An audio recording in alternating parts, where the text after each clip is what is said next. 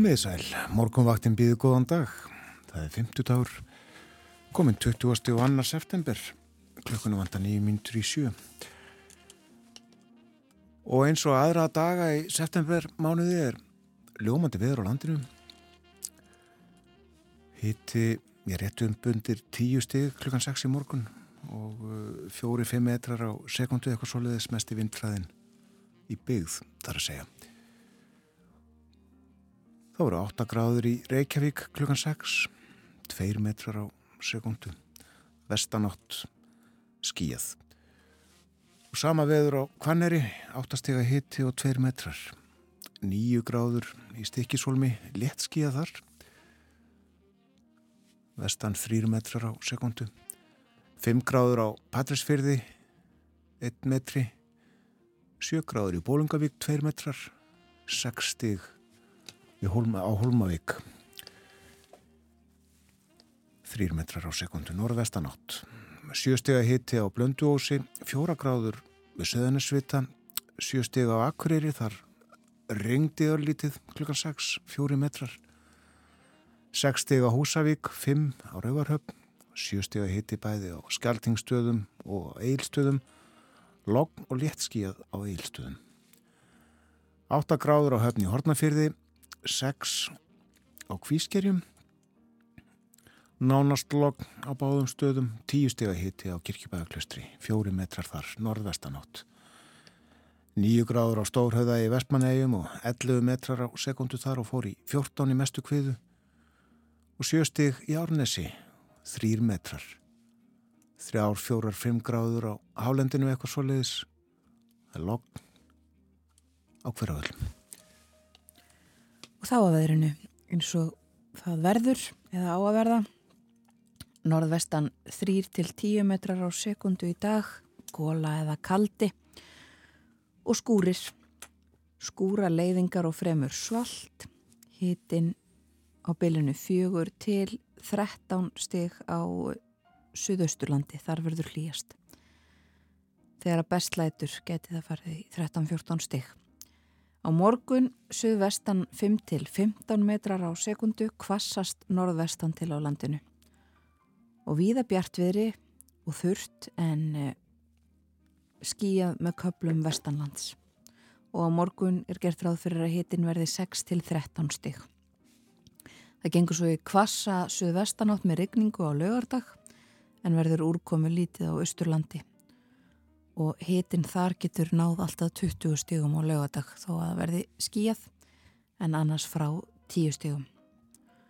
Og sunnudag þá snýst í norðan og norðvestan 10 til 18 með dálítilli slittu en stittur upp á söður og vesturlandi.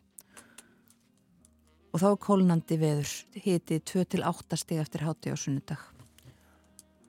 Þetta hefur breyst orðið frá því fyrir vikunni þá var uh, reynilega búist í snjókomu setnipartin á Akureyri en uh, nú er þar tákn fyrir skúrir. Já, en uh, aftur á móti snjókoma komin svona táknin fyrir snjókomu uh, eða snjójél annar staðar á landinu það er til dæmis gert ráð fyrir því uh, snjójéljum á Holtavörðu heiði, hveravellum og káranhjúkum og svo lítilsáttar snjókomu á káranhjúkum síðtegis á sunnudag. Tölum það aðeins um hátið á mánudag. Á spákortinu er heil sól yfir öllu landinu. Já. Það verður ekki skíjan hnöðri á himni sangat þessu. Það er aldrei leys. Svo er að sjá hvort þetta gengur eftir. Og hægur vindur meiri segja víða um landið líka. Já, það var að sjá hvort þetta gengur eftir. Við fjöldum um mjög slegt á morgumvaktinni í dag, við ætlum að tala um kjarnorku, uh, við ætlum að tala um, uh, sem sagt, uh, kjarnorku ver, ramagsframleiðslu með kjarnorku kjarnorku vopn og, og fleira sem að tengist þessari uppfinningu mannsins. Við ætlum líka að fjalla um fastegnagjöld og skatta og ellendmálefni til umfjöldunar eftir morgun fréttir klukkan átta heimsklukkin með bóða ágúsinni. En nú setjum við lagafónin, hér er komin Van Morrison. I can hear her heartbeat from a thousand miles Yeah, the heavens open every time she smiles. And when I come to her, that's where I belong. Yet I run into her like a river song. She gave me love, love, love, love, crazy. She gave me love, love, love, love, crazy. She got a fine sense of humor when I'm feeling low down. Yeah, when I come to her when the sun goes down. Take away my trouble, take away my grief, take away my heartache in a night like a thief. She gave me love, love, love, love, crazy. She gave me love, love, love, love, crazy. Yeah, I need her in the daytime. Yeah,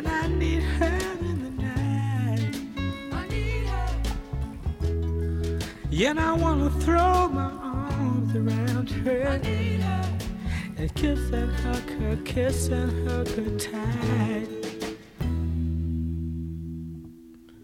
Yeah, when I'm returning from so far away, she gave me some sweet loving, brighten up my day. Yeah, and it make me righteous, and it make me whole. And it make me mellow down into my soul. She gave me love, love, love, love, crazy love. She gave me love, love, love, love, crazy love. She gave me love, love, love, love, crazy love. She gave me love, love, Hér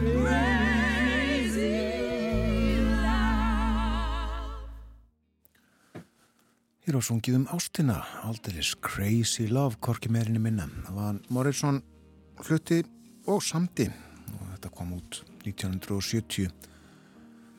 Framöndan eru fréttir, kom eftir rúma mínútu hjá okkur hér á morgunvaktinni eftir fréttir fyrir við ítalið yfir dagskrá þáttarins og lítum í blöð og sé hvað fleira.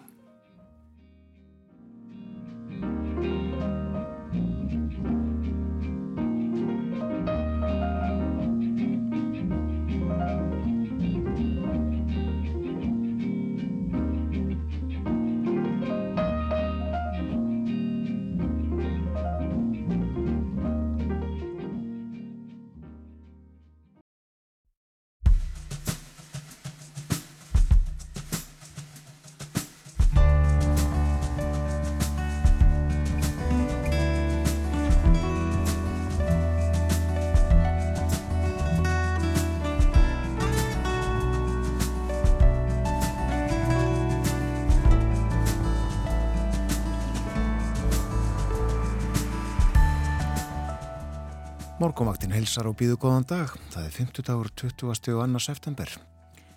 Við heyrum reglulega um kjarnorku, kjarnorku vopn og ekki síst kjarnorku slis. Undan farið hafa verið saðar frettir af því að vegna orkukrísunar í Evrópu hafi ríki neðist til að fresta lókunum kjarnorku vera og síðast í gær var talað um hættuna í stærsta kjarnorku veri Evrópu í Úkrænu. Við ætlum að tala um það slæma og það góða við kjarnorku upp úr klukkan halv åtta til okkar kemur Ágúst Valfells kjarnorku verkvæðingur. Að óbreytu snar hækka fastegnaskattar og gjöld á nýju ári. Fastegna matið hækkaði um 20% að meðaltali á grundvelli verðhækkana á fastegna markaði. Atvinnurekendur, húseigendur og eldri borgarar skora saman á stjórnvöld að hindra miklar hækkanir skatta og gjalda og endur skoða gildandi fyrirkomulag. Við fjöllum um þetta mál melli hálf nýju og nýju. Heimsklukkin verður svo sínum stað eftir morgunfrettir að þessu sinni fjallar Bói Ágússon um ítölsk stjórnmál en kosið verður til ítalska þingsins á sunnudag. Ástand mála í Íran verður líka rætt en enn og aftur hefur klerkastjórnin orðið uppvísað hræðilegri meðferð á konum. Umsjónamenn morgunvaktarinnar í dag eru Þórun Elisabeth Bóadóttir og Björn Þór Sigbjörnsson.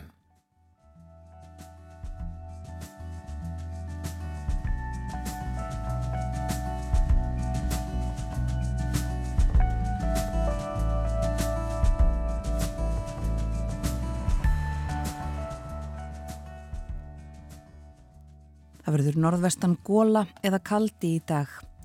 Skúra leiðingar og fremur svalt en hitin kemst þó líklega í 13 til 14 stiga á Suðausturlandi þegar bestlætur. Á morgun suðvestan 5 til 10 metrar á sekundu en 10 til 15 norðvestan til. Þurft og bjart á morgun en skíjað með köplum vestanlands. Og það gengur svo í kvassa suðvestanátt með regningu og lögardag en verður úrkomi lítið á Östurlandi. Hiti 10 til 20 stig hlýjast á Östfjörðum og svo kólnar töluvert á sunnudag. Þá verður hitin á bylunu 2 til 8 stig eftir hádegi og verður dálítil slitta sumstaðar á landinu. En við minnum þó aftur og það að það er gert ráð fyrir afskaplega fallegu veðri á mánudag í byrjun næstu viku þó að verði ekkit óbúslega hlýtt þá á að vera klampandi sól og hægur vindur um allt landi eiginlega. Við lítum í blöðin, byrjum á uh, fréttablaðinu. Þar er mynd á fórsýðu sem að tekinn var á fundi sem að Erla Bolladóttir endi til með blaðamönnum í gerð og hún var þar að fjalla um uh, þá niðurstöðu endur upptöku domstóls frá dögunum um að ekki, ja, hún fái ekki mál sitt upptekið á ný og uh, hún fór þarna yfir mál vítt og breytt ósátt auðvitað við uh, þessa ákvörðun þessa domstóls endur upptöku domstóls en uh, hún ætlar að vísa málunu til mannréttinda domstólsins og sjá hvort að hann vilji taka málið fyrir.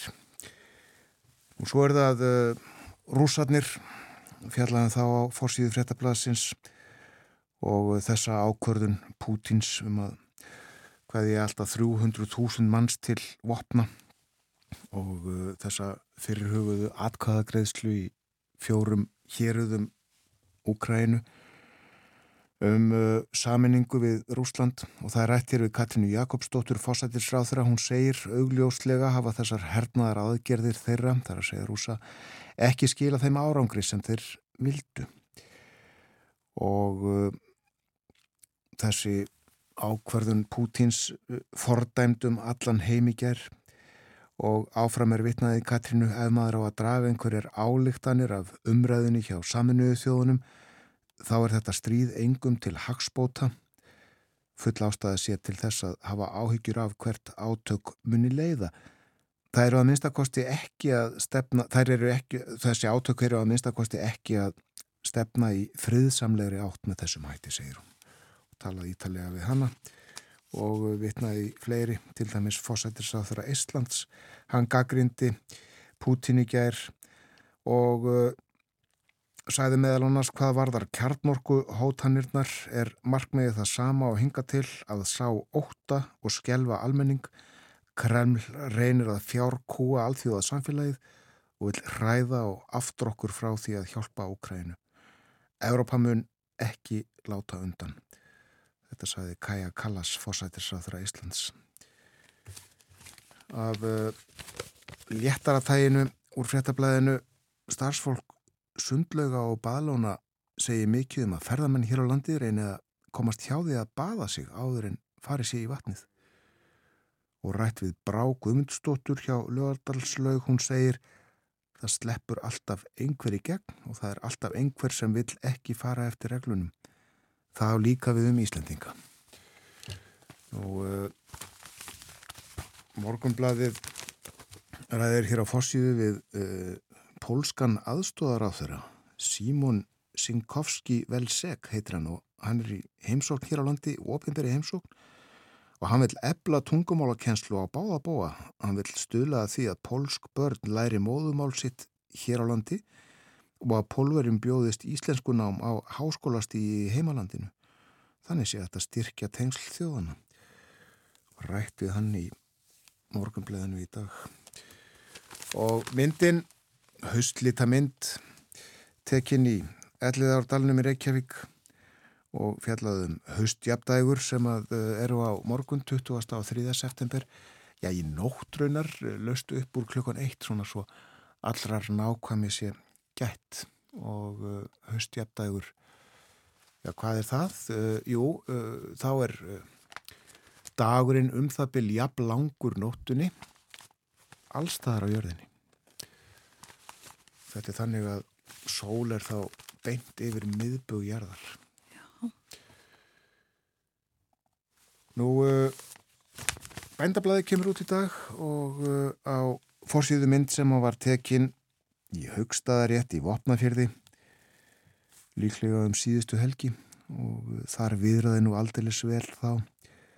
Og fólk jáfnvel á stutturmabólum að draga í dilka.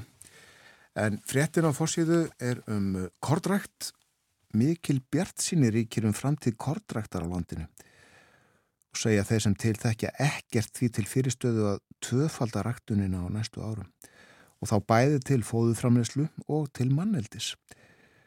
Og Hálmur er líka vannýtur og rættið Björgvin Þór Harðarsson, hann er yðntæknifræðingur og bóndi, rættar uh, bygg, kveiti og nepju við Gunnarsholt á Rangarvöllum. Hann er með bygg á 80 hekturum og kveiti og nepju á 40 hekturum hvora tegund. Og hann segir uppskeran var sein til í ár og ekki alveg tilbúin, stafar það líklega af köldum júli, voru var gott og spýrun og vor vöxtur góður og öksinn fín og þéttleikið er ágetur. Og hann segir skera ráð fyrir að byrja að þreskja uh, í síðustu vikunni í september, eða veður leifið það er að segja. Og hann á von á því að uppskeran verði á milli 800 og 900 tonn. Það er mjög gott, segir hann og það þarf að vanda vel til verka í upphafi eða ná á árangri í kordrækt og fylgjast vel með vextinum, vera með réttu tækin. Og uh, hann segir ekki spurningu um það hvort að auka eigi kordrækt í landinu, það bara likur beint við. Allt kord sem ég rækta er notað í eldi á grísum undan 200 gildum og ef við gefum okkur að það séu ríflega 2000 gildur í landinu þá er ekki spurningu um hvort að megi auka ræktunina og hann talar einnig um ónýtta möguleika. Til manneldis þar að segja uh, þar að segja ónýtta möguleika til ræktunar kords til manneldis. Það er mikilvægt að hafa þetta rétt. Óvíst þó hvernig það er þið unnið og sett á markað. En varla á færi einstakra bænda standa fyrir því. Það er að vera eitthvað sameinlegt áttak og fleiri koma að. Það voru að fossiðu rétta uh, bændablaðsins. En inn í blæðinu er greint frá því að uh, bæði bændablaði skriftóður þess og bændasamtakana hafi verið fluttar inn í borgatún og uh, frá hótelsögu þar sem að uh, bændasamtökin hafa verið í einn 60 ár og segir hér með flutningunum líkur 60 ára starfsemi bændasamtakana í bændahöllinni og þrátt fyrir að margir munu sakna gamla vinnustæðarins eru starfsmenn jákvæðir út af breytingunum og hlakka til að takast á því ný verkefni í nýju húsnaði. Þetta voru íslensku blöðunum eh, sem þetta gott að þeim í bíli. Og ég var að lita aðeins út í heim. Það er uh, ein frétt uh, víðast hvar á forsjónum sem við skoðum forsjónum blada sem komu út í morgun. Og það eru frettir af uh, Vladimir Putin og uh, ávarpi hans uh, stöðumála í Úkrænu og því sem að fólk hafa að segja á alls er að þingi saminuðu þjóðana um þessi mál. Og svipaður tótt svo sem í fyrirsögnum viða Vladimir Putin hefur endanlega byggt sig fyrir raunveruleikanum í Úkrænu segir að fórsýðu politíkan og uh, svipaðar fyrir sagnir í, í sænskum blöðum, svenska dagblæðið segir að þetta uh, bendi til aukinar uh, ja, hræðslu og, og, og svona erfiðs ástands í Rúslandi Putin sé hrættur og það er líka talað um þetta í fyrirsögnum annar staðar í Breitlandi og í Bandaríkjónum Aftenposten er með um, eitt þeirra 300.000 varaliðsmanna sem að geti verið kallaðar inn í herri núna á fórsíðunni sinni. Vitali Votunovski sem er 50 og fyrverandi hermaður um, hann er einn af þeim fyrstu eða efstu á lista segir hér. Og uh, þessu tengt þá eru líka saðar frettir af því í morgun að og í gær kvöldi að það hafi verið mótmæli víða í Rúslandi vegna þessar uh, herrkvæðningar að hluta. Og uh, um 1300 manns hafi verið handtekinn í mótmælum segir í frettum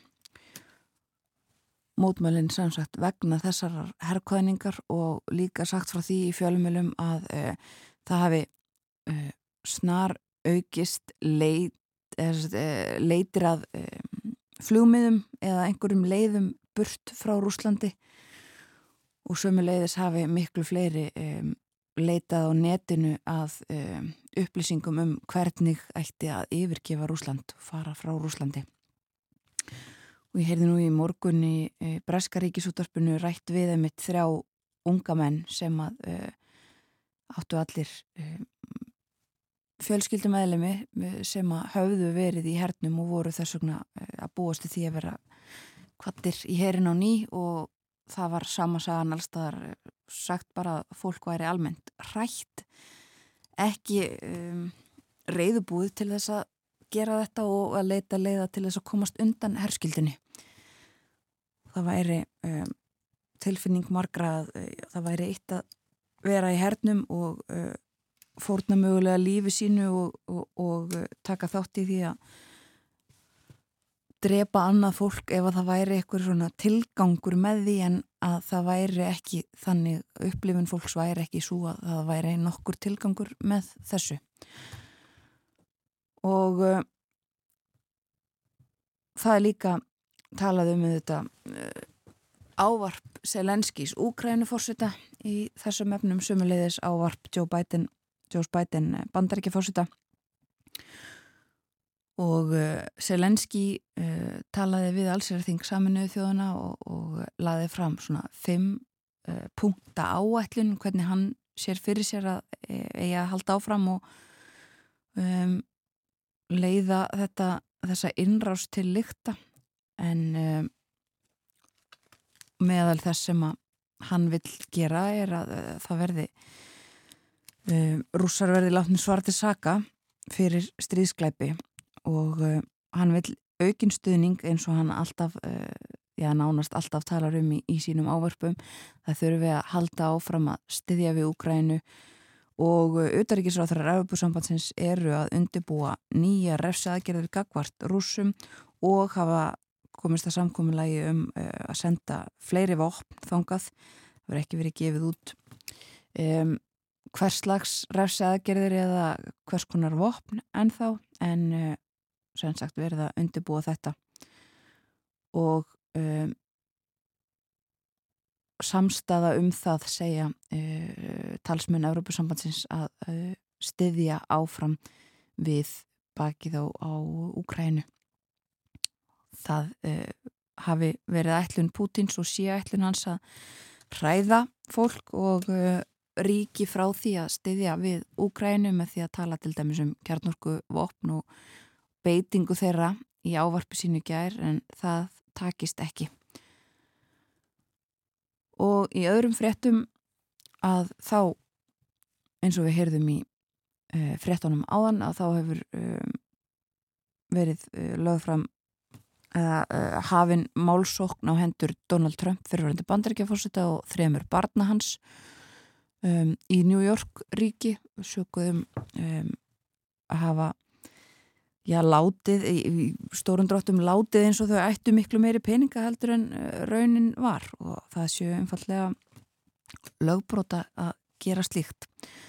Og uh, svo fleiri frettir af Trump þær að uh, það má, uh, dómsmálareðinitið í bandaríkjunum má skoða all þessi gögn sem að var lagt hald á í um, heima hjá honum í Flórida á dögunum.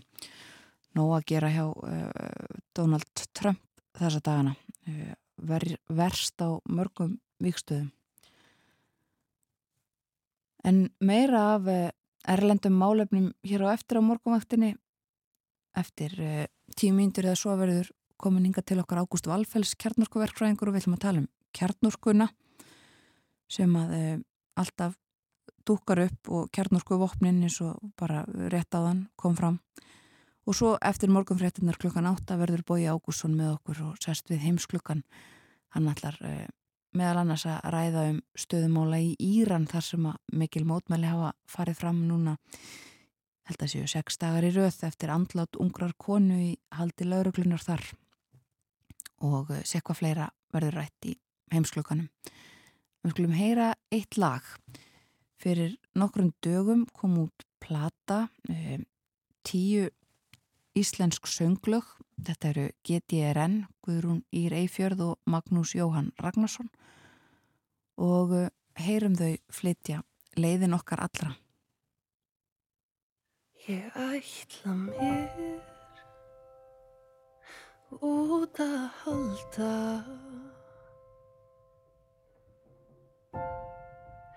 Örlegin falda því.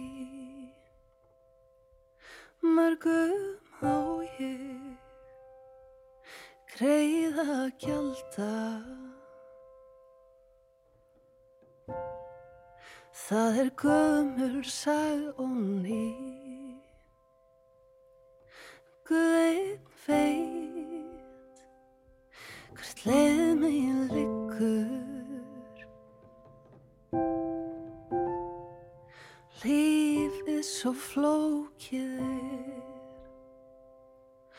Oft ég er í hjarta hryggur. En ég harka samt af mér. Eitt lítið knús Elsku mamma. Áður en ég fer Nú er ég komin Til að hveðja Ég kem aldrei framar hér. Mm. -hmm. Mm.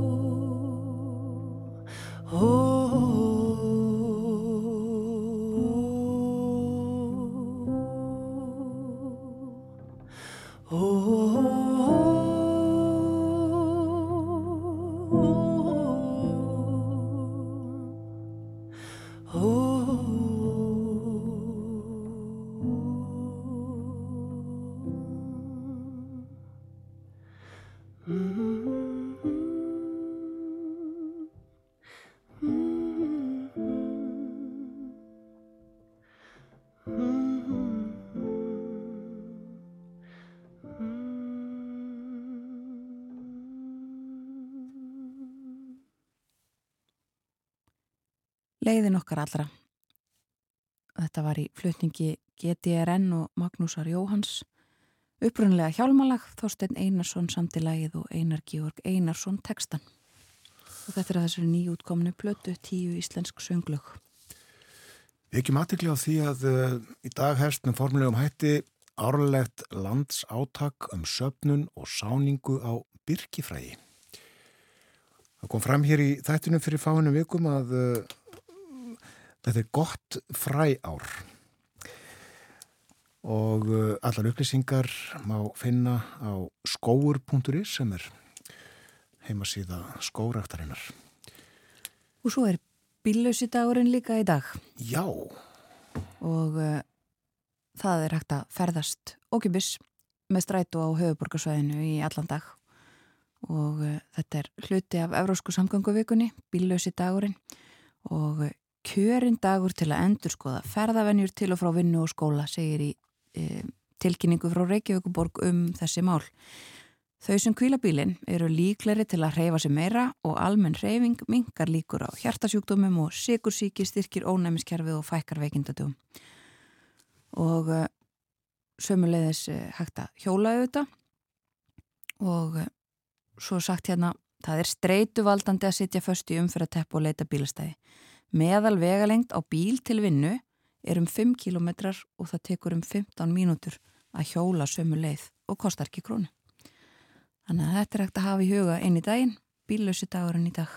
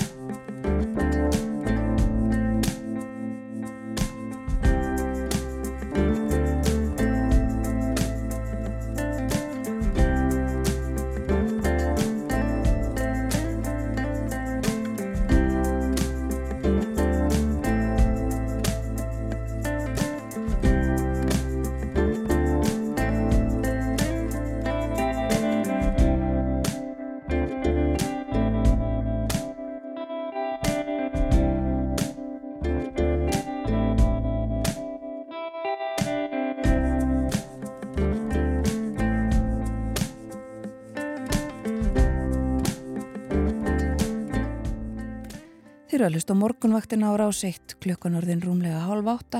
Það er 50 dagur í dag, 22. september. Og uh, lítum aðeins til veðurs. Norðvestan gólaða kaldi í dag, skúra leiðingar og fremur svalt. Hitin kemst þó líklega í 13 til 14 steg á Suðausturlandi þegar best lætur í dag.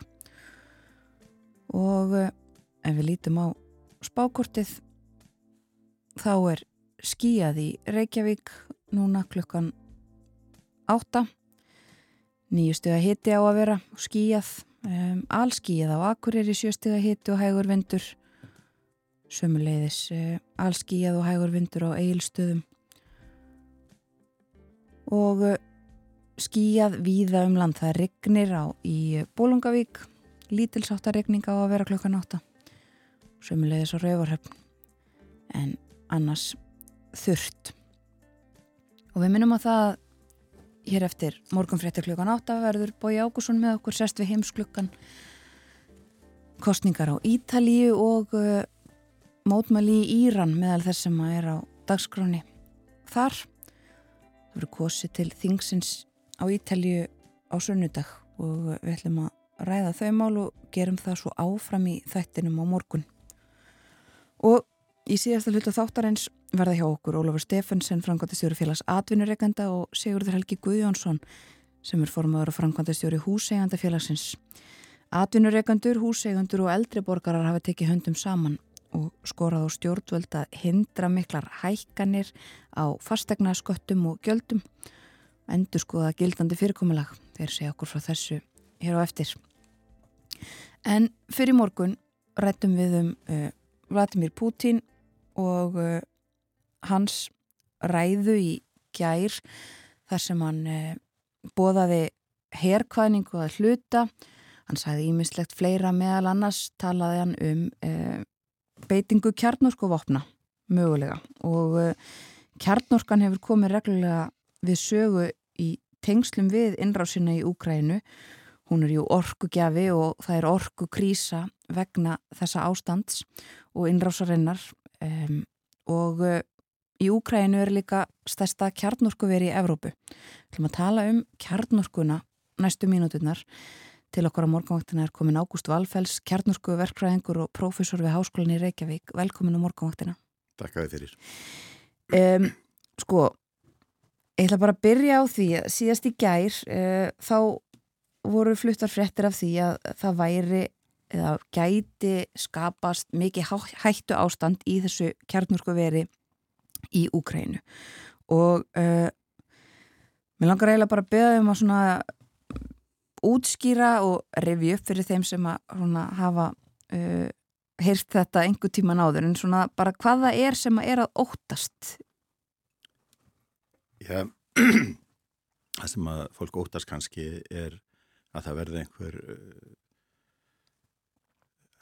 harmleikur svona í, í, í líkingu við í Tjernobyl eða Fukushima og kannski það frekar í, í Tjernobyl sem var uh, hættulegri og ástæðan fyrir því er svo að ef ég má aðeins fara í, í kennarakýrin og, og, og tala um það að, að, kjarnorkuver er í raun og veru bara varmorkuver og það er sama varmorkuver á hellisheiði en eða kólorkuver sem við finnum víða um heim en orkugjafin er annar.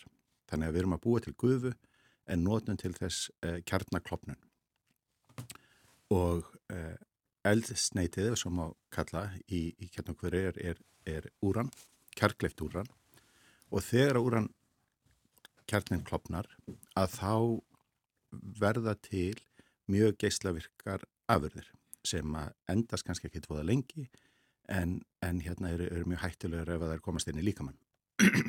og það sem fólk hefur kannski áhugjur af ef það verða einhverju hernaðar átöku í, í kringum kjarnorkuver eins og þarna í Ukrænu er að það gæti komið upp eldur, það gæti rofnað eh, hlýfðarbyggingin utanum kjarklefa eldsnætið og engum að sérilegi ef, ef það kveiknar eldur að þá geti borist með eldunum geysluvert efni upp í andrúsloftið og það síðan fallið til jarðar eða komast í grunn vatn og einhvern veginn komast inn í líkama fólks.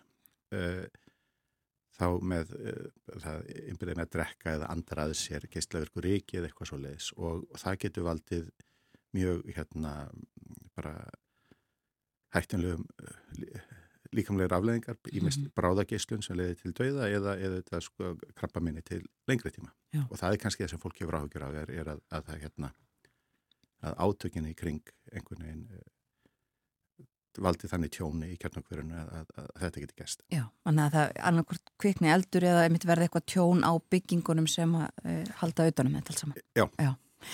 Um, veistu það sko, einmitt að því þú nefnir, það er þið þá væntalega meira í líkingu við Tjernobyl, um, svona stærðar hlutföllin uh, þarna á sko, Tjernobyl versus þetta stóra kjarnarkuver í Nei, ég þekk hann ekki alveg, mig grunar að þau sé nokkuð stór. Ef ég mann samt rétt þá er Saparitsina þarna kjarnarkufyrða stæsta í Evrópu. Úkrænu menn reyða sér mjög á kjarnarku. Eh, ef ég mann rétt þá eru rúmlega 50% allra rávorku í Úkrænu sem koma frá kjarnarkufurum. Já. En, eh, en, en svona upp og ef það eru þarna eitthvað slis í kringum þetta að, þá myndi ég halda að það geta alvorið af, af Tjernobyl skala ef Já. það væri slemt. Já. Já, Úkrænumenn reyða sér mjög á kjarnarku og það á þetta við víða annar staðar mm. í heiminum og, og bara þarna í kringu í Evrópu en það eru líka reglulega í tengslum við þessa innrás heyrum við fréttir af því að vegna einmitt orgu krísunar að þá séu ríki að fresta eða reyna að fresta lókunum á sínum kjarnorkuverum. Er það um, almennt víða í Evrópu að það er verið að reyna að loka kjarnorkuverum? Já, það er svolítið misjönd. Uh, sko sumlönd eins og frakkar og belgar eh, reyða sér mjög á kjarnarku, notið kringu 50% af eh, sínu ramagnir líka kemur úr frá kjarnarkuverum og hafa með fre, verið með fremið farsala rekstur á þeim. Mm -hmm. uh, önnur lönd hafa nota kjarnorku í minnamagni en, en samt töluverðu en það hefur samt verið viljið til þess að loka þeim og til dæmis þetta var, var reyndin hjá Svíum þeir notuðu kjarnorku mjög mikið en Ólaf Palmi á sínum tíma, ég man ekki hvernig hann alltaf verið búin að loka allan kjarnorku verum í landinu en þeir bara einfallega gátuð ekki þeir þurfa ramagn og hafði þetta svíjar búið mikið til vassorku og slíku. Þjóðverjar eh, hafa gert það sama, þeir eh, lokuðu mjög kjarnorkuverum og það hefur reynda verið sko laung andstaða við kjarnorku í Þýskalandi. Og ef ég man rétt þá hefur það reynda verið líka doldi mikið að Sovjetríkin á sínu tíma og rússar ólu mjög á andstöðu við kjarnorku í vestu Þískalandi eh, jafnvel þótt að þeir hafi notað hana mjög mikið heimaferir og það var kannski svona pólitísk æfing. En eftir Fukushima þá, þá hérna uh, fekk þetta mikið byr þessi, þessi anstæði við kjarnorku og Angela Merkel tók þá ákverðun að, að, að, að loka kjarnorkuverum. Þetta verður til þess að þjóðverður þurfa að reyða sig meira á kólorkuver og svo auðvitað á, á gas og hérna þannig að þetta er mjög breytilegt frá landi til lands. Já og einmitt, uh, svo segir það uh, sko, verður til þess ef, ef ekki er hægt að reyða sig á kjarnorkuna og verður þeirra fara eitthvað hratt um, úr henni að þá þurfa mörgríki að reyða sig á aðra orku uh, sem að er líka verið að reyna að fasa út við það er óumkörðisvæn en um, kjarnorka er ekki sko við, við þekkjum þessar hættur og allt þetta en, en svo sá ég bara til dæmis í sumur og það er mikil umræðum það sko að um, Evrópa myndi meta kjarnorku sem í allavega einhverjum tilveikum uh, umhverjusvæna, græna orku. Er það þannig? Að hún er það? Já og nei uh, og það fyrir svolítið eftir hvernig er haldið á spilunum. Já. Uh, kjarnorkan hefur auðvitað þann kost að það losar ekki koltísýringa. Þeir verum ekki að brenna kólefni, mm. jarðarnælsniti. Og hún hefur líka þann kost að það er, það, er, það er mjög mikil orka í hverju kílogrammi af elsnitinu. Mörgum stærðagráði meiri heldur hún ferði í kólum sem er sín aftur mörgum stærðagráði meiri heldur hún ferði í vassorku. Og að því leiti er, er kjarnorkan uh, græn og hún hefur verið svona á heldina liti farsæll orkugjafi uh, en hefur samt hluturinnar í, í rávorkuframlislu heima hefur verið mingandi, er núna kringum 11% sem er svona álíkvæði framleitt með vind og sólurorku í dag. Um, en ókosturum við hana er sá að það getur slis eins og gerist í Tjernobyl og Fukushima. Uh, það er líka að það þarf að, ganga mjög vandlega frá úrganginum, kjarklif úrganginum og mikið á hannum er tiltölulega langlifur reyndar er það svo að sko 90% af öllum geislaverkum úrgangi mjög auðvelt að meðhandla en þessi 10% sem þarf að er, er svona mest geislaverkur maður þarf að e, gæta því hvernig er unni með hann og það er líka svolítið pólitísk vandamál því að fólk er eh, kannski skiljanlega rætt við þennan úrgang og vill ekki að hann sé geimtur til langs tíma einhvers þar í nákvæmlega við sig þannig að, að að víða um heim hefur orðið þannig að það hefur ekki verið tekin þessi ákverðin um að setja úrgangin í langtíma geimslu Já. og þá hlæðist hann upp í, í svona skamtíma eða millitíma geimslu sem eru þetta slæmukostur. Eh, síðan er ein hætta líka við kjarnorkurna og það er það sem er nóttast er að ef að kjarnorkarna er mikill útbreyðslu og sérstaklega tæknin við að, að auðga úran sem er, er svona nöðsynleg fyrir flesta eh, kjarnofna til þess að virka að hún getur orðið til þess að, að menn geti búið til eldsneiti í kjarnokkursprengur og, hérna, og það er önnur hætta nógu til að þeim heiminum eins og er. Já, akkurat Já, mér langar að spyrja það eins um, um þau mál eftir smástund en aðeins einmitt nánar að þessu sko að því að það er úrgangurinn einmitt sem að fólk kannski hræðist og það er líka einmitt verið bara nýlega saðar fréttra því á að geima Uh, kom einhverjum úrgangi fyrir það held ég á landamærum um mitt Östuríkis og Þískalands og þetta er eins og þú segir þetta er politist mál mm. en um, það er það, það sama, það er engin hætta af úrganginum nema ef eitthvað fer úrskiðis eða hvað? Já, já, það er þetta ávið sem er margar hluti það er engin hætta nema eitthvað, eitthvað fer úrskiðis en,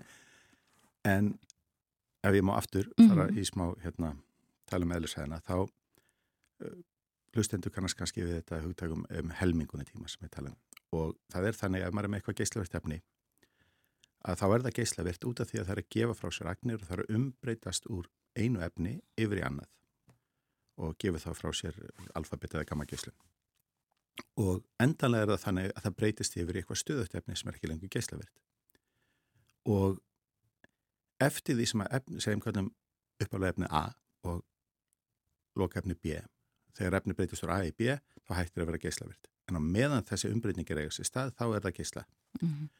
og eftir því sem þessi umbreyting gerist hraðar að þá er efnið geyslavirkara og hættulegra. En jafnframt tekur það styrtri tíma fyrir það að breytast úr A í B og það tíma sem það tekur fyrir helmingin á A að breytast yfir í B er kallar helmingunum tími mm.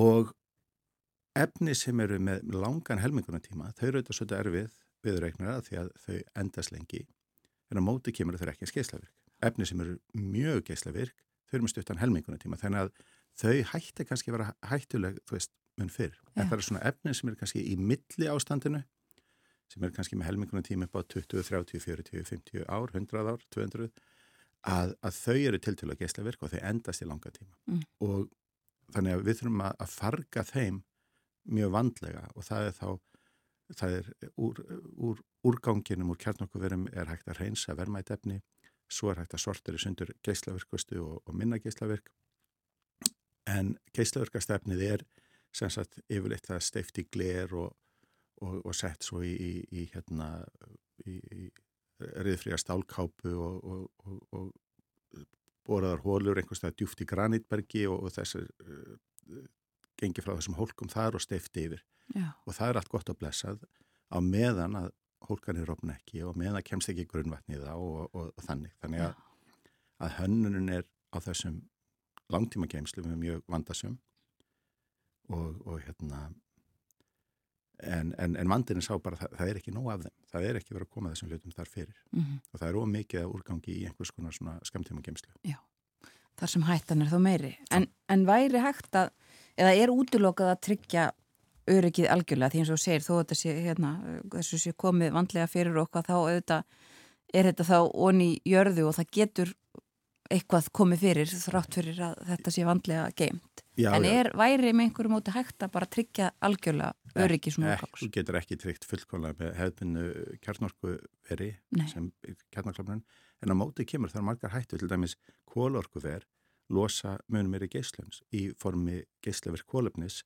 sem við öndum að okkur í, í kólaríkinu heldur en, en kjartmarkuver mm. en þegar að slís á borfið Tjernobyl eða Fukushima á sér stað þá er það miklu meiri losun á, á, á, á stöttum tíma en, en þetta eru þetta með all, allar okkar aðtapni sem við gerum að, að hlutir eru hættileg hvort sem er að, að fara í bílunum í vinnuna og, og slíkt og, og við erum alltaf að gera einhver svona eða ekki að gera einhver svona áhættum að skilur Já, akkurat. Og eins og þú nefndir þann að uh, hluti af þessu og hluti af því að, að ríki mörg hafa uh, ákveðið að hætta með kjarnorsku eða vilja ekki nútana eru þetta, uh, þetta með kjarnorsku sprengjurnar. Og þá mhm. erum við komin inn á um, það sem að núna allt í einu er einmitt aftur svona í umræðunni. Og það er nótkunn kjarnorsku vopna, þetta dúkar auðvitað alltaf reglulega upp. Og Vladimir Putin, rúslandsfórseti e, svona hótaði þessu í gær í ávarpu sínu að, að hann sagði kannski ekki beinum orðum en að hann byggi yfir kjarnorku vopnum og, og mm. gæti beitt þeim um, og ég ætla ekki að fara að spurja þið út í hérna, stríðsregsturinn eða pólitíkina á bakvið þetta en bara svona sko rúsar eiga kjarnorku vopn uh, það leikur fyrir og fleiri ríki en ef að ætti að beita þessum vopnum er það eitthvað sem er hægt að gera án fyrirvara? Uh, ég er engin hernaði sérfræðingur eða vopna sérfræðingur en af því sem að ég hef lesið er að þá að þá sko það eru tvennskonu vapn, það er bæðið þessu strategísk, sem eru þá stóru sprengju sem að menna hugsa til þess að eða heilum borgum eða, eða eitthvað slíkt. Og svo eru mm. það sem taktísk vapn sem eru þá meira hugsa til notkunnara á, á, á vígvellinum. Og uh, að því að ég fæ best skilið, þá er það þannig að það sé hægt að sjá það, það væri hægt að sjá fyrir ef það verður að flytja vopn sem eru taktísk. Og nú er menn auðvitað að skoða gerfin þetta myndir og alls konar mm -hmm. og, og, og hérna. Þannig að, að að það væri hægt að, að sjá fyrir ef, ef það ætti að fara að beita þessu sko einhverju mæli. En, en hérna eh, en með hvelungum fyrir var það ekki bara ekki alveg. Nei og taktisk vopn til nótkunnur á vývællinum, það er þá bara einhverjar minni sprengjur eða hvað? Já, það Já. eru minni sprengjur og það hefur verið þróaðar uh, kjartungarsprengjur sem getur skotið sko með stórskutaliði. Já. Þannig að þetta þurfa ekki alltaf að vera stórar eldflögar að, að fljúa heimsálun á milli. Ymmitt. En það... síðan er þetta alltaf spurning sko, ef þú nota þetta, er, þá er þetta að rjúfa ákveðin múr, maður sé fyrirlega múr og, og hérna og uh, svona heri yfir völd hafa hugsað sér þá einhverjum svona þannig einhverja flettur og viðbröð sem eru, eru hugsað um það og það er auðvitað það, það sem er óttast er að það fari allt úr böndunum. Mm -hmm. Já, sannarlega. En þannig að það er ekki þannig að þetta séu, sko, að því svona ímyndin sem maður hefur af kjarnarskursprengju eru þetta eh, Hiroshima, Nagasaki, svona, einmitt eins og þú nefnir, þessar risa stóru sprengju sem eru ætlar til þess að eigða heilu borgunum. Mm -hmm. Það er ekki bara þær sem uh, eru í myndinni. Það er, það er allur stærðarskalinn því meður. Akkurat. Um, rétt í lokin, Ágúst, um, þetta er stór spurning og, uh, en sko hver er framtíð kjarnorkunar sem svona orkugjöf? Uh, ég held að kjarnorkunar minna áfram leika hlutverk í þeirri minnsmúni núna. Það er líka mjög áhugaverð þróan í að búa til kjarnopna sem eru örugari heldur en þeir sem eru í, í, í notkunni í dag því að það eru raun og verið tiltala gömul hannun. Og síðan er kannski hitt sem er mest spennandi, það er kjarnasamrunni. Því að kjarnasamrunni er, uh, þá er þetta hvort ekki að kjarnakvar, þá er hann allt annars eðlis heldur en kjarnaklopnunin og hefur til dæmis enga, hann er, hann er, hann er óstöðugri sem er kannski hljómasóti enginlega en það gera það verkum að kjarnasamrunaverk gæti ekki e, farðu böndun líkt og gerast í Tjernobyl. Og hitt er við það að efnin sem myndast í kjarnasamruna eru ekki svona langlýf geysleverk efni eða þungmálmar eða slikt heldur það er þá yfirleitt eh, bara helium og geyslavirknin í kringum kjarnasamrunaver væri hverfandi lítil og í raun og veru eldsneitið í það mjög aðgengilegt. En fólki búið að reyna að, að framkalla kjarnasamruna, við tekist að gera stærnindar í vettnisprengjum en, en það er ekki stýranlegt. En fólki búið að reyna að gera allir orku svona framleiðslu í núna í 70 árið að svo en það lítur út fyrir núna á, á síðustu tíu ára með svo að það er út af framförum í efnistækni og, og, og, og tölvustutur og hönnun og slíku að, að, að, að það getur verið talsveit miklar framfærir í því og það myndi hafa stórkostleg uh, bætandi áhrif fyrir mannkinn, held ég. Já, akkurat. Þannig að þetta er það sem að gæti verið framöndan. Vonandi. Já. Takk fyrir að koma til okkar á morgunvaktina og, og ræða við okkur um kjarnorku, uh, kjarnorku sprengjur, kjarnorku veri ímislegt sem að við kemur þessu öllu saman Ágúst Valfells, professor við Háskólinni Reykjavík og kjarnorku verkfræðingur. Mín var ánæg, þakka þér.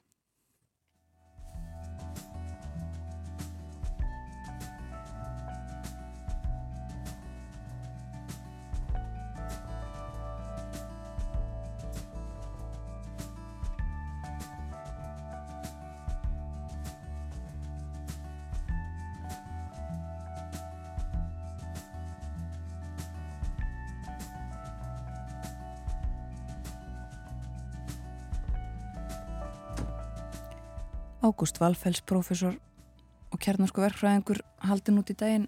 Hann rætti um uh, kjarnarskuna um, ímsar uh, já, ímiskonar þróun í gangi þar kjarnasamruna ver væru uh, hættuminni og heldur en þessi hefðbundnu kjarnarsku ver sem við þekkjum í dag hann saði okkur líka frá um, orku um, já það er 50% allrar orku í Úkrænu kemur frá kjarnorku þetta er í kringum 11% orkunar í heiminum öllum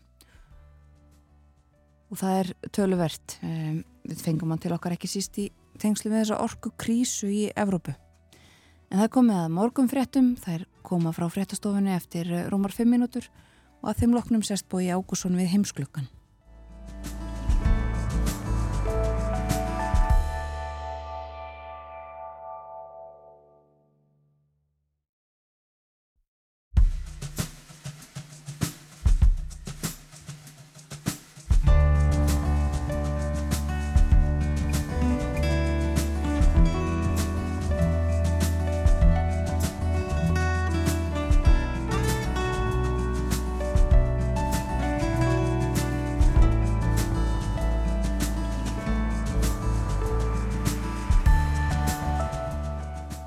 Aftur þér að hlusta á morgómaktina á Rás 1. Það er 50 dagur í dag, komin 20. og 2. september og klukkan núna farin að ganga nýju. Og það er útlitt fyrir ágættisviður á landinu í dag. Já, það er gert ráð fyrir norðvestan gólu eða kalda í dag, skúra leiðingar og fremur svalt en hitin kemst þú líklega í 13 til 14 stig á Suðusturlandi þegar að best lætur. Og eh, á morgun Suðvestan átt 5 til 10 en 10 til 15 metrar norðvestan til, þurft og bjart en skíjað með köplum vestanlands. Umsjónamenn morgómaktarinnar í dag eru Þórun Elisabeth Bóadóttir og Björn Þór Sigurbjörnsson. Við rættum hér fyrir morgunfréttinnar um kjarnorku. Já, vítt og breytt er óhætt að segja og á eftir ætlum við að tala um áskorun til stjórnvalda um að afstýra hækkun á fastegnarsköttum og gjöldum meira um það á eftir. En nú er sestur hjá okkur Bóji Ágússon og við ætlum að fjalla um Erlend málefni næstu mínútur. Góðan dag. Góðan dag. Það eru nokkur mál á dagskrá hjá okkur. Við komumst ekki yfir þau öll, ekki frekar en vennilega. Nei, nei. Við verðum þó að tala um ástandmála í Íran og eftir en Já. byrjum á Ítalíu, þar er kosið á sunnudagin til þingsins. Uh, Já, það er mitt. Og um, uh, ríkistjórn Mario Dragis sem var fyrir um Sælabankastjóri í Európu var í rauninni kallaður til til þess að reyna að bjarga uh, því klúri sem að ítölsk stjórnmál voru í og nöyt viðtæks stuðnings á þingi. Hún fjell í sumar og ekki síst vegna þess að um, flokkur sem heitir Fratelli d'Italia neitaði að styðja hann og hann gerði kröfum það að hann hefði stuðningi eða allar á þingi við, ýmsar efnahagsaðgerði sem eru nöðsynlegur á Ítalíu. Og uh, Mario var nú kallaður Super Mario stundum og svona líkt við uh, gamla hetju úr tölvuleikjum. Og en uh, það er svona eins og sáleikur endaði stundum game over mm. og um, svo ríkistjórn fjall og þá er eins og Ítali gera gerðnan búða til uh, nýrakostninga. Það hafa 69 ríkistjórnir settið á Ítali frá lokum síðan í hinstyrjaldar. Ég veit ég ætla að tala við Dóru Sintínez á morgun um, um þetta óstabilitet í, í ítölskum stjórnmálum og, og hérna skum ekkert fara neitt nánar út í, út í það, annað heldur bara þessa kostninga sem eru núna og þennan flokk og uh, Fratelli d'Italia og leiðtóa hans sem heitir Giorgia Meloni. Já, byrjum á uh, flokknum. Þetta þýðir bræður Ítalju eða eitthvað slikt? Bræður Ítalju, bræðra lag Ítalju og uh, við skulum bara ekkert vera að tvínóna við það að þessi flokkur er arftæki fassista hrefingarinnar á Ítalju. Íst til hægri í, í ítansku stjórnmálum og með í liði eru tveir uh, þokkapiltar eða hitt og heldur Silvio Berlusconi fyriröndi fórsættisráþurra og Forza Italia Remingans og Matteo Salvini sem að fyrir fyrir Lega sem einu sinni hétt Norður bandalagi Lega Nord og hérna og er mjög mjög til hægri sem leiðis og uh, þetta það stefnir í það að skoðanakannan benda til þess að að þessi flokkar fái meiri hlut af ítalska þinginu. Ég séu sko, ítalsk stjórnmál eru mjög flókin vegna þess að öldungadeildin, hún hefur skiptið, hún, uh, hún er gerðan öðruvísi heldur en, en nöðudeildin og það eru, það eru mjög margi hluti sem er getið orðið til þess að ríkistjórnir falla á Ítalíu og já. En þau hafa semst myndað einhvers konar blokk þau eh, Salvini, Berlusconi og svo Meloni. Já, þau hefur gert það. Og aðteglin hefur beinst að eh, Meloni. Hún er 45 eh, ára gömul, hún er sögð mjög mælsk og beinskeitt í tali. Hún gengur alltaf í hvítu þegar hún er að, á, á fundum. Um, og hún hefur lagt mikla áherslu á svona, getum við sagt, hefðbundin uh, gamaldags ítölsk gildi sem að falla væntanlega katholsku kirkjunni mjög vel í geð, það er fjölskylda, það er trú eins og sé hún er mjög íhaldsum, hún hefur bóðað skattalækkanir og hörku gegn innflytjendum uh, og ef að svo fer sem horfir þá erði hún fyrsti þjóðarleitói Ítalíu sem að kemur frá Ístahægrinu síðan að Benito Mussolini var við völd. Já, það er langt síðan það var. Já. Síðustu fósættisráþrar Ítalíu hafa ímest verið óháðir eða vinstrimenn. Já. En nú er hæri sveifla í landinu sér.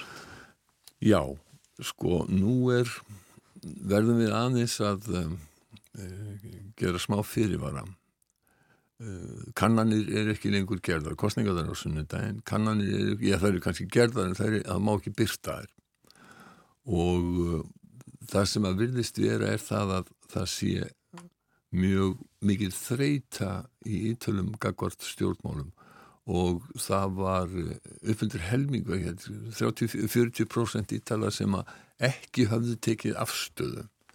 Og mjög margi segja við nennum þess ekki. Við ætlum ekki að fara að kjósa þannig að það bendir margt til þess að kjóssókn verði lítil.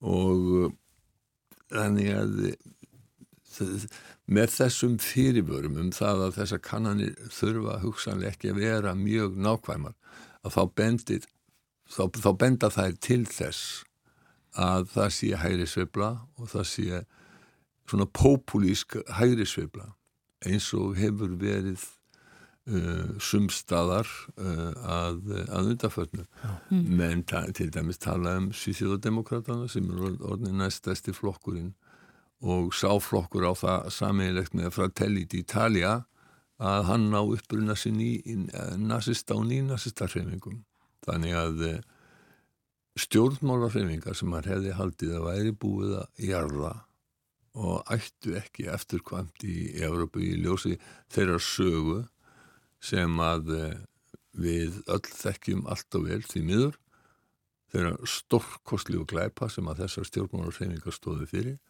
þær eh, hafa á svona einhvern nátt risið upp aftur. Því miður og þá virðist sem mannkinn eh, lærist seint að læra á sögunni Og það er hreinlega lígilegt að skoða uh, graf yfir uh, skoðanankannanir síðustu ára á Ítalíu þar sem að, að flokkurinn hennar. Meloni mm. þetta bræðralag ítalska uh, hefur sagt, bætt við sig fylgi úr fjórum prósentum í april 2018 upp í næstum 25% núna Já, það, það er rétt sko, ítal, það er líka annað í ítalsku stjórnmál og það verða oft svona mikla sviplur ef við, ef við, bend, ef við tökum aftur samlíkinguna við Svíðfjóð þá eru mjög litlar hreyfingar og fylgi stjórnmálflokka í Svíðfjóð og það eru sko stórfrétti þegar að konun segir að einhver flokkar hafa bætt við sig 1,5% þarna á Ítalíu þá, þá, þá er það allt, allt, allt aðri vísi og uh, þannig að uh, þetta það er kannski ekki alveg mikil tínind í því að, að, að, að fimmstjórnur reyningin til dæmi sko hún ætti upp og hérna og uh, maður sér stundum ekki sjáanlegar ástæði fyrir þessu Sko, Giorgia Meloni kemur sumuleiti sko utan úr þessu og, og, og utan stjórnmálana, hún hefur ekkert verið neitt sérstaklega þekkt þangað til í þessari kostningabarótu mm -hmm. og hún vilist höfða mjög til uh, margra kvenna og það þó að uh, hún sé engin feministi, alls ekki. Og, og meiri segja uh, óttast margir að ég, það má skilja á því sem hún hefur verið að segja að hins eginn fólk gæti óttast um réttindi sín. Og hún hefur sömulegði sagt að hún ætla ekki að breyta eh, lögum um þungunarof en hún ætla að aðstofa þær konu sem að ekki vilji fara í þungunarof eins og það sé eitthvað sem að samfélagi sé að neyða konur í og þannig að sko hennar nálgun á, á umræðuna er með þeim hætti að fólk óttasta. Mm. Ítali held að þeir hefðu bara gengið frá þessari umræðu um þungunarof og þungunarofs lög á 8. áratug síðust aldar eh, en eh, eins og í bandaríkjanum að þá virðist vera einhver sveibla í eh, hináttina og þetta er svona part, partur af því sem að fólk hefur verið að tala um kallað menningarstríð. Uh, og er mjög ábyrgandi hjá ymsum hægrimönnum uh, ég bara í víða í hennum vestræna heimi, þetta til dæmis er í, í Breitlandi og þessi er líka verið að berjast gegn sko hinnum pólitíska réttrúnaði uh, og þetta með ekki allt vera hérna á þann á, á þann hátt að það, það banni alla umræðu. Og vissulega þá getum við nefnt mjög mörg dæmi um það, það sem að pólitísku réttrúna hefur farið út í bara kjánalegar öfgar en um, viðbröðun við því eru kannski ekki alveg uh, þau sem að við uh, myndum vilja sjá.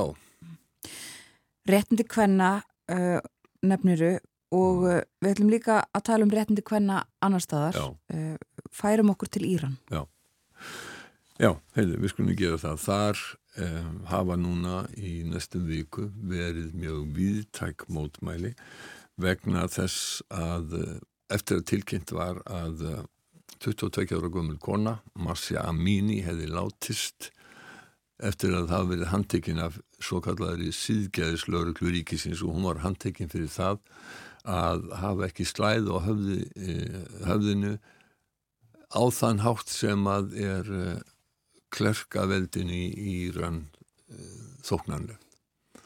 Um, yfirvöld segja hún hafi látist vegna þess að hún hafi fengið hjertaáfall, við skulum taka fram hún 22 ára gummul, ættingjandi segja hún hafi, hef, hún hafi ekkert verið neitt hjartveik eða vil fyrir hjarta og uh, frettir herma að krupning hafi sínt það að hún, krupning hafi sínt beinbrott, heilablæningu og uh, og meðslinn sem að sem að, hérna, sem að voru hún lá uh, meðvitundarlöðsinn á bráðamáttöku í þjárfsólarhinga að hún dó. Það vilist allt benda til þess að uh, hún hefði í rauninni verið lamin til bana af uh, þessari svo kvölduðu síðgeðaslauruglu þetta verður til þess að það kviknar í uh, þetta eins og það hefur verið borin eldur af púðutunum og það eru eiginlega mótmæli út um allt land. Það sem að sko það hafa áður komið mótmælarreifingar í Íran og uh, klerkastjórnin hefur barið það niður af mikilvæg harsku fyrir þá sem er kannski ekki er, er á alveg með sögu Írans á, á, á, á takteinum að þá var þarna keisarastjórn Eh, sem að var veld árið 1979 og í staðin kom klerkastjórn og leiðtói klerkastjórnarna lengst af var erki klerkurinn Khomeini og uh, þó að Íranar kjósi til þings og kjósi fórseta að þá er ekki hægt að segja á nokkur nátt að Íran sé líðræðis ekki vegna þess að domstólar er uh, bara íslems, íslamskir, þetta er ekki óháðu domstólar, þeir dæmi ekki eftir uh, svona getum við sagt veraldlegum lögum. Uh, það er æðstiklerkur sem er í rauninni sá sem að ræður mestu og svona uh, ráð erkiklerka og þingið getur ekkert þeir geta tekið fram fyrir, völd, fyrir hendurnar á, á, á þinginu. Og uh, á síðasta ári að þá var kjörin nýr fósiti Ebrahim Raisi sem er mjög íhaldsamur og mjög afturhalsamur við erum ekki tala um, um íhaldsemi því að það er að tala illa um íhaldsmenn. Þannig afturhalsmaður og uh, réttindi hvenna eru, eru afskaplega takmörkuð. Það var gert mikið veður úr því fyrir nokkur vikum að, að konum hefur leift að fara að horfa á fótbolltaleik í, í fyrsta skipti frá klerkabildingunni en það bara segir okkur hver réttindi hvenna voru. Þeim mátti ekki eins og hérna, það mátti ekki eins og fara á fótbolltaleik og þeim er gert að vera með höfuslæður og hilja sig og, og uh, nú eru konur að uh, augra og mótmæla uh, með því að vera úti án slæðana og jafnvel að brenna þær. Já. og eitthvað hef ég séð líka því að, að konur sé að klippa hár sitt. Já, það er, já, það er En eru það bara konur sem eru að mótmæla? Nei, það er nefnilega að njóta viðtæks stuðnings meðal karlmana uh, breytið þetta einhverju það, ég var að horfa á fyrstaskynninga þáttinn Deadline í, í hérna, Damarsrætju í Gerskvölda sem var verið að fjalla um þetta og þar var uh, kona sem er uh, þáttak, sem er hún er meðal annars í aðalstjórn radikali flokksins í, í Danmörku og virku þáttakað í danski politík en er frá Íran og fætti Íran en fóreldrarnar flúðuðan fyrir áratugum. Og þessi kona heiti Sino Victoria Doabi uh, hún sagði að sko eins og og ég bara segi þetta á dansku den gang fullist í annirliðis að þessu sinni viðist þetta verið öðruvísi.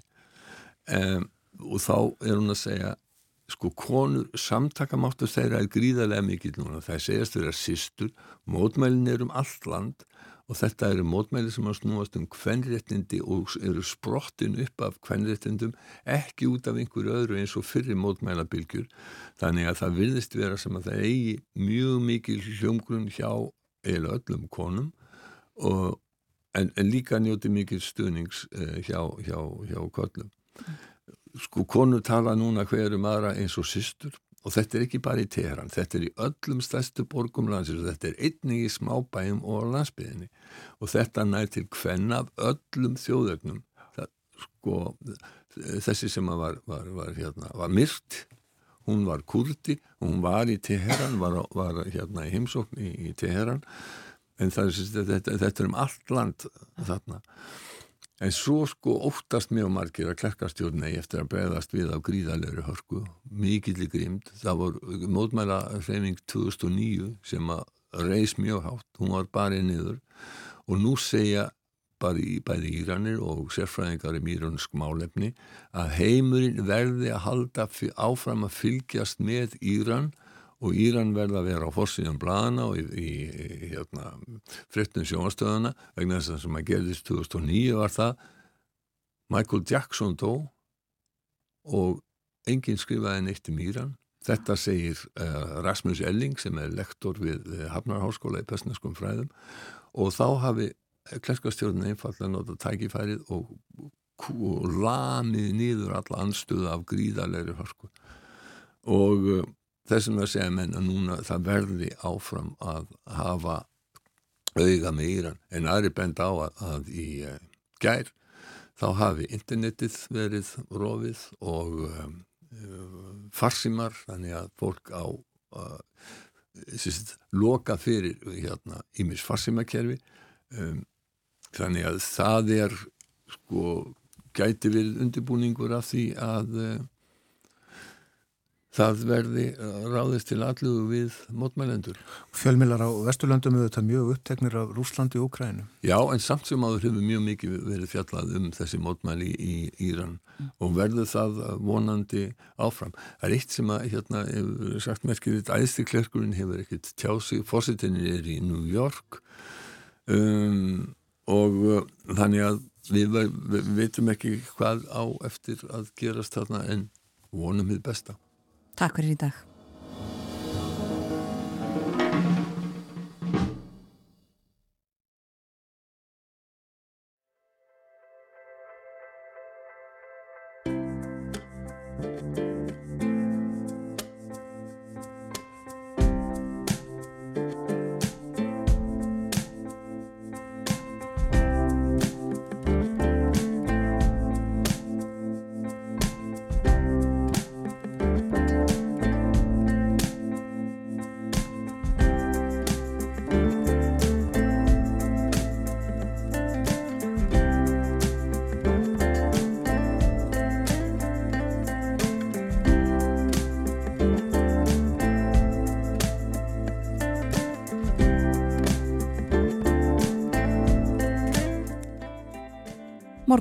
Ráseitt heldur áfram.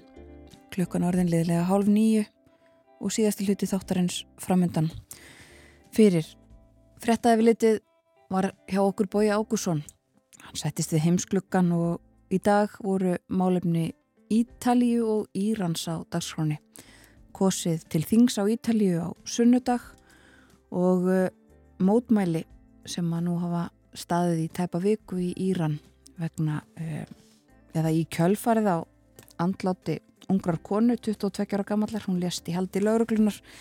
Hún hafi verið handtekinn fyrir að vera ekki með höfuðslæðu eins og uh, klarkastjórninni er þóknanlegt þar að segja. Hún var með slæðu en ekki rétt á sér samkvæmt siðferðis lauruglu í Íran og konur hafa uh, brent höfuðslæðunar sínar klift hár sitt og uh, mótmælt á gödum úti víða um Íran. Og ekki bara konur heldur njótaður stuðnings annara. En uh, aðeins að veðrinu áður en lengra er haldið það er ágætt spá. Norðvestan gólaða kaldi í dag um, mildast á Suðausturlandi alltaf 13 stegum þar frá fjórum stegum og uh, skúrir í dag. Fremur svalt sem sagt og skúrir. En uh, á morgun þurft og bjart veður skíða með köplum vestanlands. Örlíti kvassara getur farið í 15 metra á sekundu norðvestan til á landinu. Og nú að öðru, að óbreyttu snar hækka fastegnaskattar og gjöld á nýju ári. Fastegna matið hækkaði um 20% af meðaltali á, á grundvelli verðhækkana á fastegna markaði. Við munum þetta og uh, þekkjum þá að mjög sérstakt ástand á fastegna markaði fyrra árinu frambúðið lítið eftir spurtin mikil og útkoman svo að verðið fór í hæstu hæðir og uh, allir fastegna eigendur og raunar leyendur líka sitja uppi með afleðingarnar sem eru sem sagt herri skattar og gjöld. Og nú hafa atvinnureikendur, húseigendur og eldri borgarar tekið höndum saman og skorað á stjórnvöld að bæði hindra miklar hækkanir og endur skoða gildandi fyrirkomulag á útrekningum fastegna skatta og gjelda. Og hér eru Ólafur Steffensen, framkvæmtastjóri félags atvinnureikenda og Sigurður Helgi Guðjónsson, formaður og framkvæmtastjóri húseigendafélagsins en ásamt þeim stendur landsamband eldri borgara að áskoruninni. Velkonni báðu tver. Takk fyrir. Takk. Já, uh, fastegnamatið hækkar mjög. Uh, Svo hefur verið raunin er það ekki síðustu ár, uh, Ólafur. Matið hefur hækkað mjög mikið og langt umfram vísitölur. Jú, jú. Ef við tökum sko tímabilið frá 2015 þegar henni núverandi aðferðla að rekna át fastegnamata atvinnuhúsnaðis, svo kallar tekjumats aðferð var fyrst notuð það var matið á atvinnuhúsnaði á landinu hækkað um svona cirka 90% og það þýðir, svo við tökum nú eitthvað svona skiljanlegt dæmi að til dæmis meðalstort fyrirtæki í Reykjavík sem að starfaði árið 2015 í, í húsnaði sem var metið á 100 miljónir það, ef það hefur tekið einhverja meðal hækkun þá var það í dag metið á 190 miljónir það voru borgaðar 1,65 miljónir í skatt uh, árið 2015 á þessu árið eru það þrjár og á næsta ári hækkaður 3,3 þannig að þetta er náttúrulega sko, gríðarlega hækkun og á sér oft og yðurlega stað á þess að nokkuð hafi gest í rekstrinu sem endur speklaða auknar tekjur að hagnaður og uh, fyrirtæki hefur ekki selt eignina en eitt slíkt og við erum með sko, einstök dæmi frá okkar félagsmennum um, um ennþá meira hækkanir. Um að ég vel bara tveimur, þreimur árum hafi fastegnamatti og þar með skattgæðslunar þrefaldast. Það var bara af því að einhver í hverfinu gerði góða sölu sko. Og hliðstæðar sögur til uh, íbúða hósnæði sigurur? Jú, jú, þetta hefur verið geysilega hækkun og vandamálið er eh, fastegnamatti sjálft. þetta er svona einhver peningavél sem að gengur á fullu og býr til tekju fyrir ríki og sveitafélug og eh, byggist á, á útreikningsaðferðin sem engin skilur, ég held að Ólar skiljaði ekki og ég skiljaði ekki og, en fastegnamatti er aðeins eh, þarna gjaldstopp, það hefur enga þýðingu að öðru leiti og sveiplast því eftir sveiplum á fastegnamarkaði og oft svona týruna kenti eins og Ólafur eh, tók, tók fram. Og, og þetta er óháð fastegnaskatturinn og óháðu tekjum. Þannig að það kemur síðla fyrir eldra fólk sem getur ekki aukist með tekjur. Fastegnaskattarnir eru að vera skatleikja sparnað fólks sem hefur áður skatt af og það sem skrítnast er að, er að þetta er brúttóskattur. Þetta er ekki nettóskattur eins og í nýllandi eignaskattu var. Þar voru skuldtýtregna frá. Þannig að þetta er brúttó þannig að þú að, ef þú skuldar í fastegni að þá ert að borga skatt af, af, af skuldinni sem er, sem er mjög skritið, ekki, ekki bara vexti heldur er skuldin skatluð Þetta er auðvitað mjög sérstakt að eh, einhverjir út í bæ eiga með þessi viðskipti og það þýðir að ég þarf að borga aðreins skatta. Já, já. Svo, svo er þetta sko, eh, segur við kallaði þetta peningavél, þetta er líka eilíðarvél. Það er að segja, eh, þegar að fastegna matið og þar með fastegna skatturinn hækkar, þá til dæmis hækkar húsegandi sem er leir út frá sér, hann neyðislega hækkar leiguna. Þá segir regnumótilið þjá fastegna matinu, aha, meiri tekjur þá hækkar fastegnamatið og þá hækkar mm. fastegnaskatturinn og þannig svona bara gengur þetta áfram í einhverjum spíral sem er bara ekki nokkurt einasta viti og engin helbrið skynsum. Og fastegnamatið er, er ekki það eina sem mætti nota til þess að finna eðlega skattstopp, það mætti nota brunabótamat sem er bara kostnæðan við að byggja húsið að brennur, mætti líka nota fermetra á hvaðina sem ekki sveiplast svona og dregur dilka á eftir sér í formi hækkan á öllum mögulegu. Það hækkar, já, fastegna skattin, þetta hækkar ímis e, eh, lóðagjöld, þetta hækkar erðafjörskattin, stimpil e, gjöld af, af skuldabröfum og, og, og fastegnum.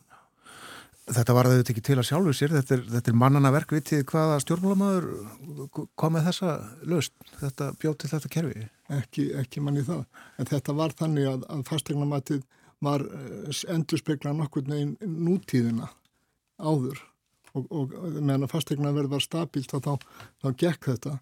En nú er þetta flokna aðferðis þessar miklu hækana sem er núna að við gengi í gegn þær koma til að hækka skattin á, á þarnæsta ári. Já, sko matið fyrir 2023 tekur að, að verulega leiti með að hækkunum sem verðu á sko síðast ári. 21, já. Og núna bara undanfattan 12 mánuði þó að það sé í fyrsta skipti örlítil dífa sem hafa sagt fara núna í vikunni í fastegnaverðinu, þá hefur dæmis sko eh, markasverð íbúðarhúsna að hækka um 23% og það, svo hækkun er í pípunum ef það verður ekki eitthvað bremsað.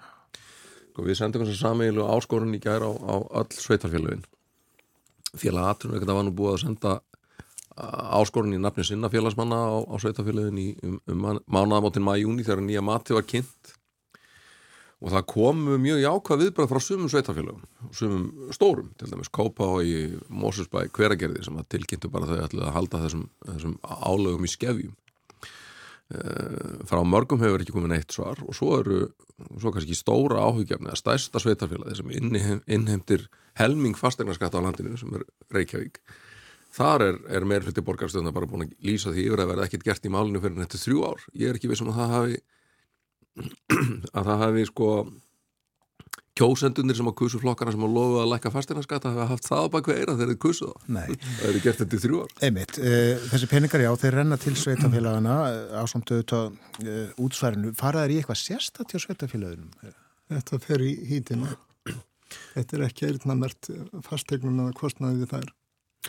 Sko í, í, í upphálega frumvarpinu Eh, það sem að, að hérna, þessi skattlagning var til var sagt að, að fastegna gjaldið þetta að vera eh, endurgjaldur veitt að þjónust en ekki eignaskattur en þannig virkar það ekki, það virkar eins og eignaskattur ein leiðin til að breyta þessu kerfi væri náttúrulega bara að skilgar einhverja tiltekna þjónustur sem sveitarfélagin veita og uh, húsegjandum mm.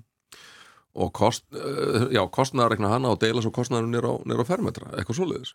Það væri ein leiði þessu en, en, en það er rétt, þetta fer í hítina og það var nú bara í frettunum hjá ykkur hérna áðan að, að, að það er í gangi langvinn deila millir sveitafélagin og ríkisins um, um tekjustofna og fjármögnun verkefna sveitafélagina. Þetta mál og þessi, þessi dæmalist ósangjarnar skatlækning lendur einhvern veginn alltaf á milli í þeirri deilu og af því að það er ekki búið að, að hérna, ná saman um þessi mál þá halda þessar gríðarlega ósangjarnu hækkanir á fólk og fyrirtæki áfram að tikka inn. En staðan er einmitt uh, bísna þungja mörgur sveitafélagun, reksturinn erfiður uh, og, og hallarekstur fyrir sjáanlegur á næsta ári. Eru þau ekki frekar ólíklega til að velja sleppa hendina þessum mentu tekjum? Við treystum því að, að það sé réttlætiskendir í kendi á sem flestum stöðum. Já, já, svo náttúrulega þurfa kannski sveitafélagin sem bara að, að fara að skoða hjá sig gældahliðina, ekkert síður en tekjuhliðina. Ég held til dæmis að það hefur verið gerð alls konar mjög vond mistök við gerð síðustu kjærasamlinga hjá sveitafélagunum sem að augljóslega voru að hækka launakostnað sko langt umfram þar sem að, að gerðist á almennamarkarum og þykir þó mörgum nógum það.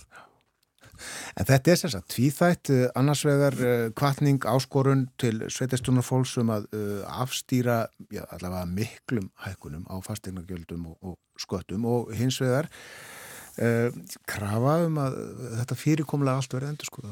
Mm. Já.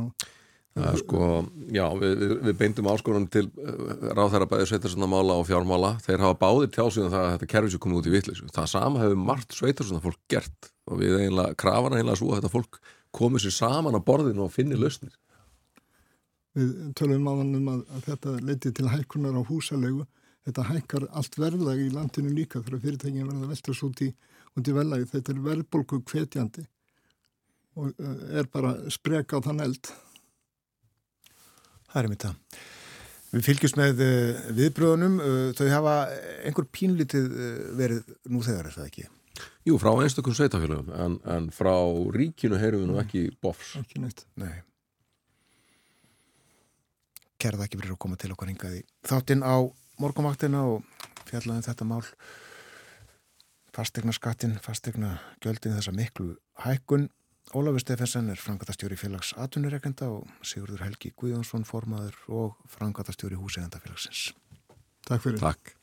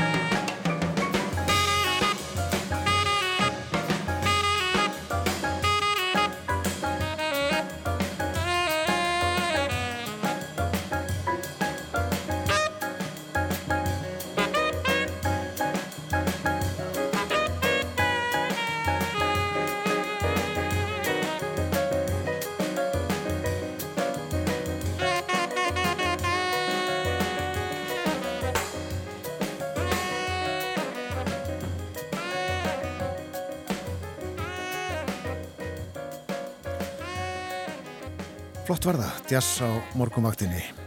Þetta voru Wayne Shorter á tenorsaxofón, Herbie Hancock á piano, Röds í Vormak á bassa og á trommum Joe Chambers. Adams Apple, Eppli Adams, hér lagið. Er það ekki frægast að Eppli sögunar? Jú.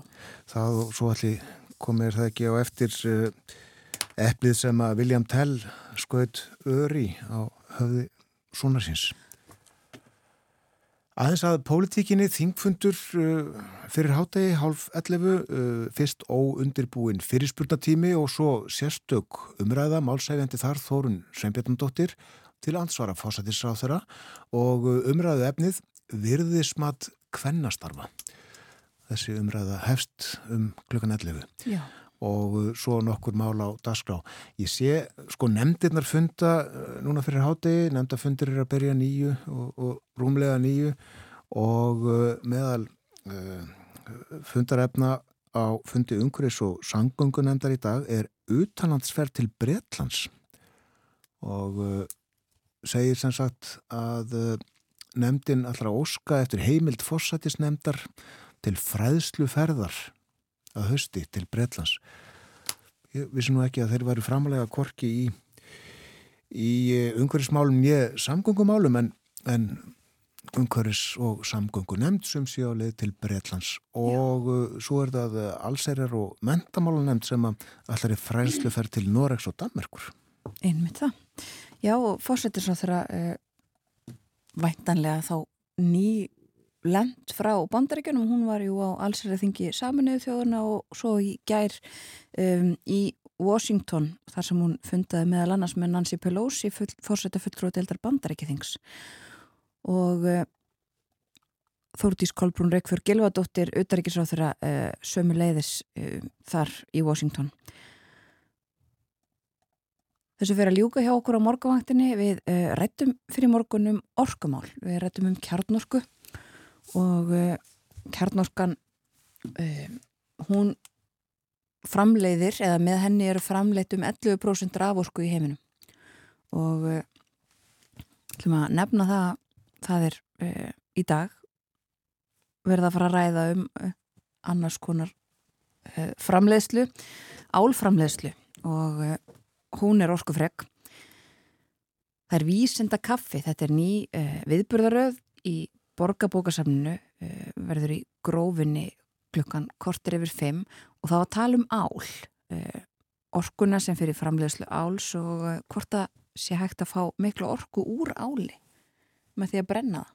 Það vissi ég ekki að veri en endurvinnsla áls og, og sirka fleira, Ástis Ingólstóttir réttöfundur og efnafræðikennari hún allar að mæta í grófina og ræða þessi mál. En þessi viðbörðaröðu nýja er sagt, þannig að það er fengin sérfræðingur og uh, hann spurður spjörunum úr og allir uh, öll velkomin að mæta og hlusta og, og spyrja.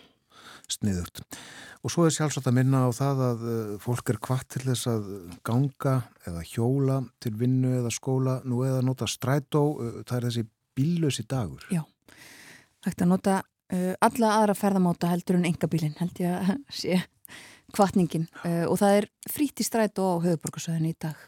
Þetta er auðvitað bara kvartning, það má nota enga bílinn. Já, það er aldrei bannað held ég en uh, það er svona tilgangurinn með deginum að hvetja fólk til að prófa að gera eitthvað annað ef við því verður komið. Töluðum við mitt um enga bílinn í þettinum í gær, Egil Jóhansson í Brimborg var hjá okkur, samgöngumál, hvernig við komumst á milli staða, förum milli staða, uh, er áfram á hjá okkur í fyrramælið. En þessu er að ljúka í dag. Við þökkum samfélgina þennan 50. morgun. Njótiði dagsins og verið sæl.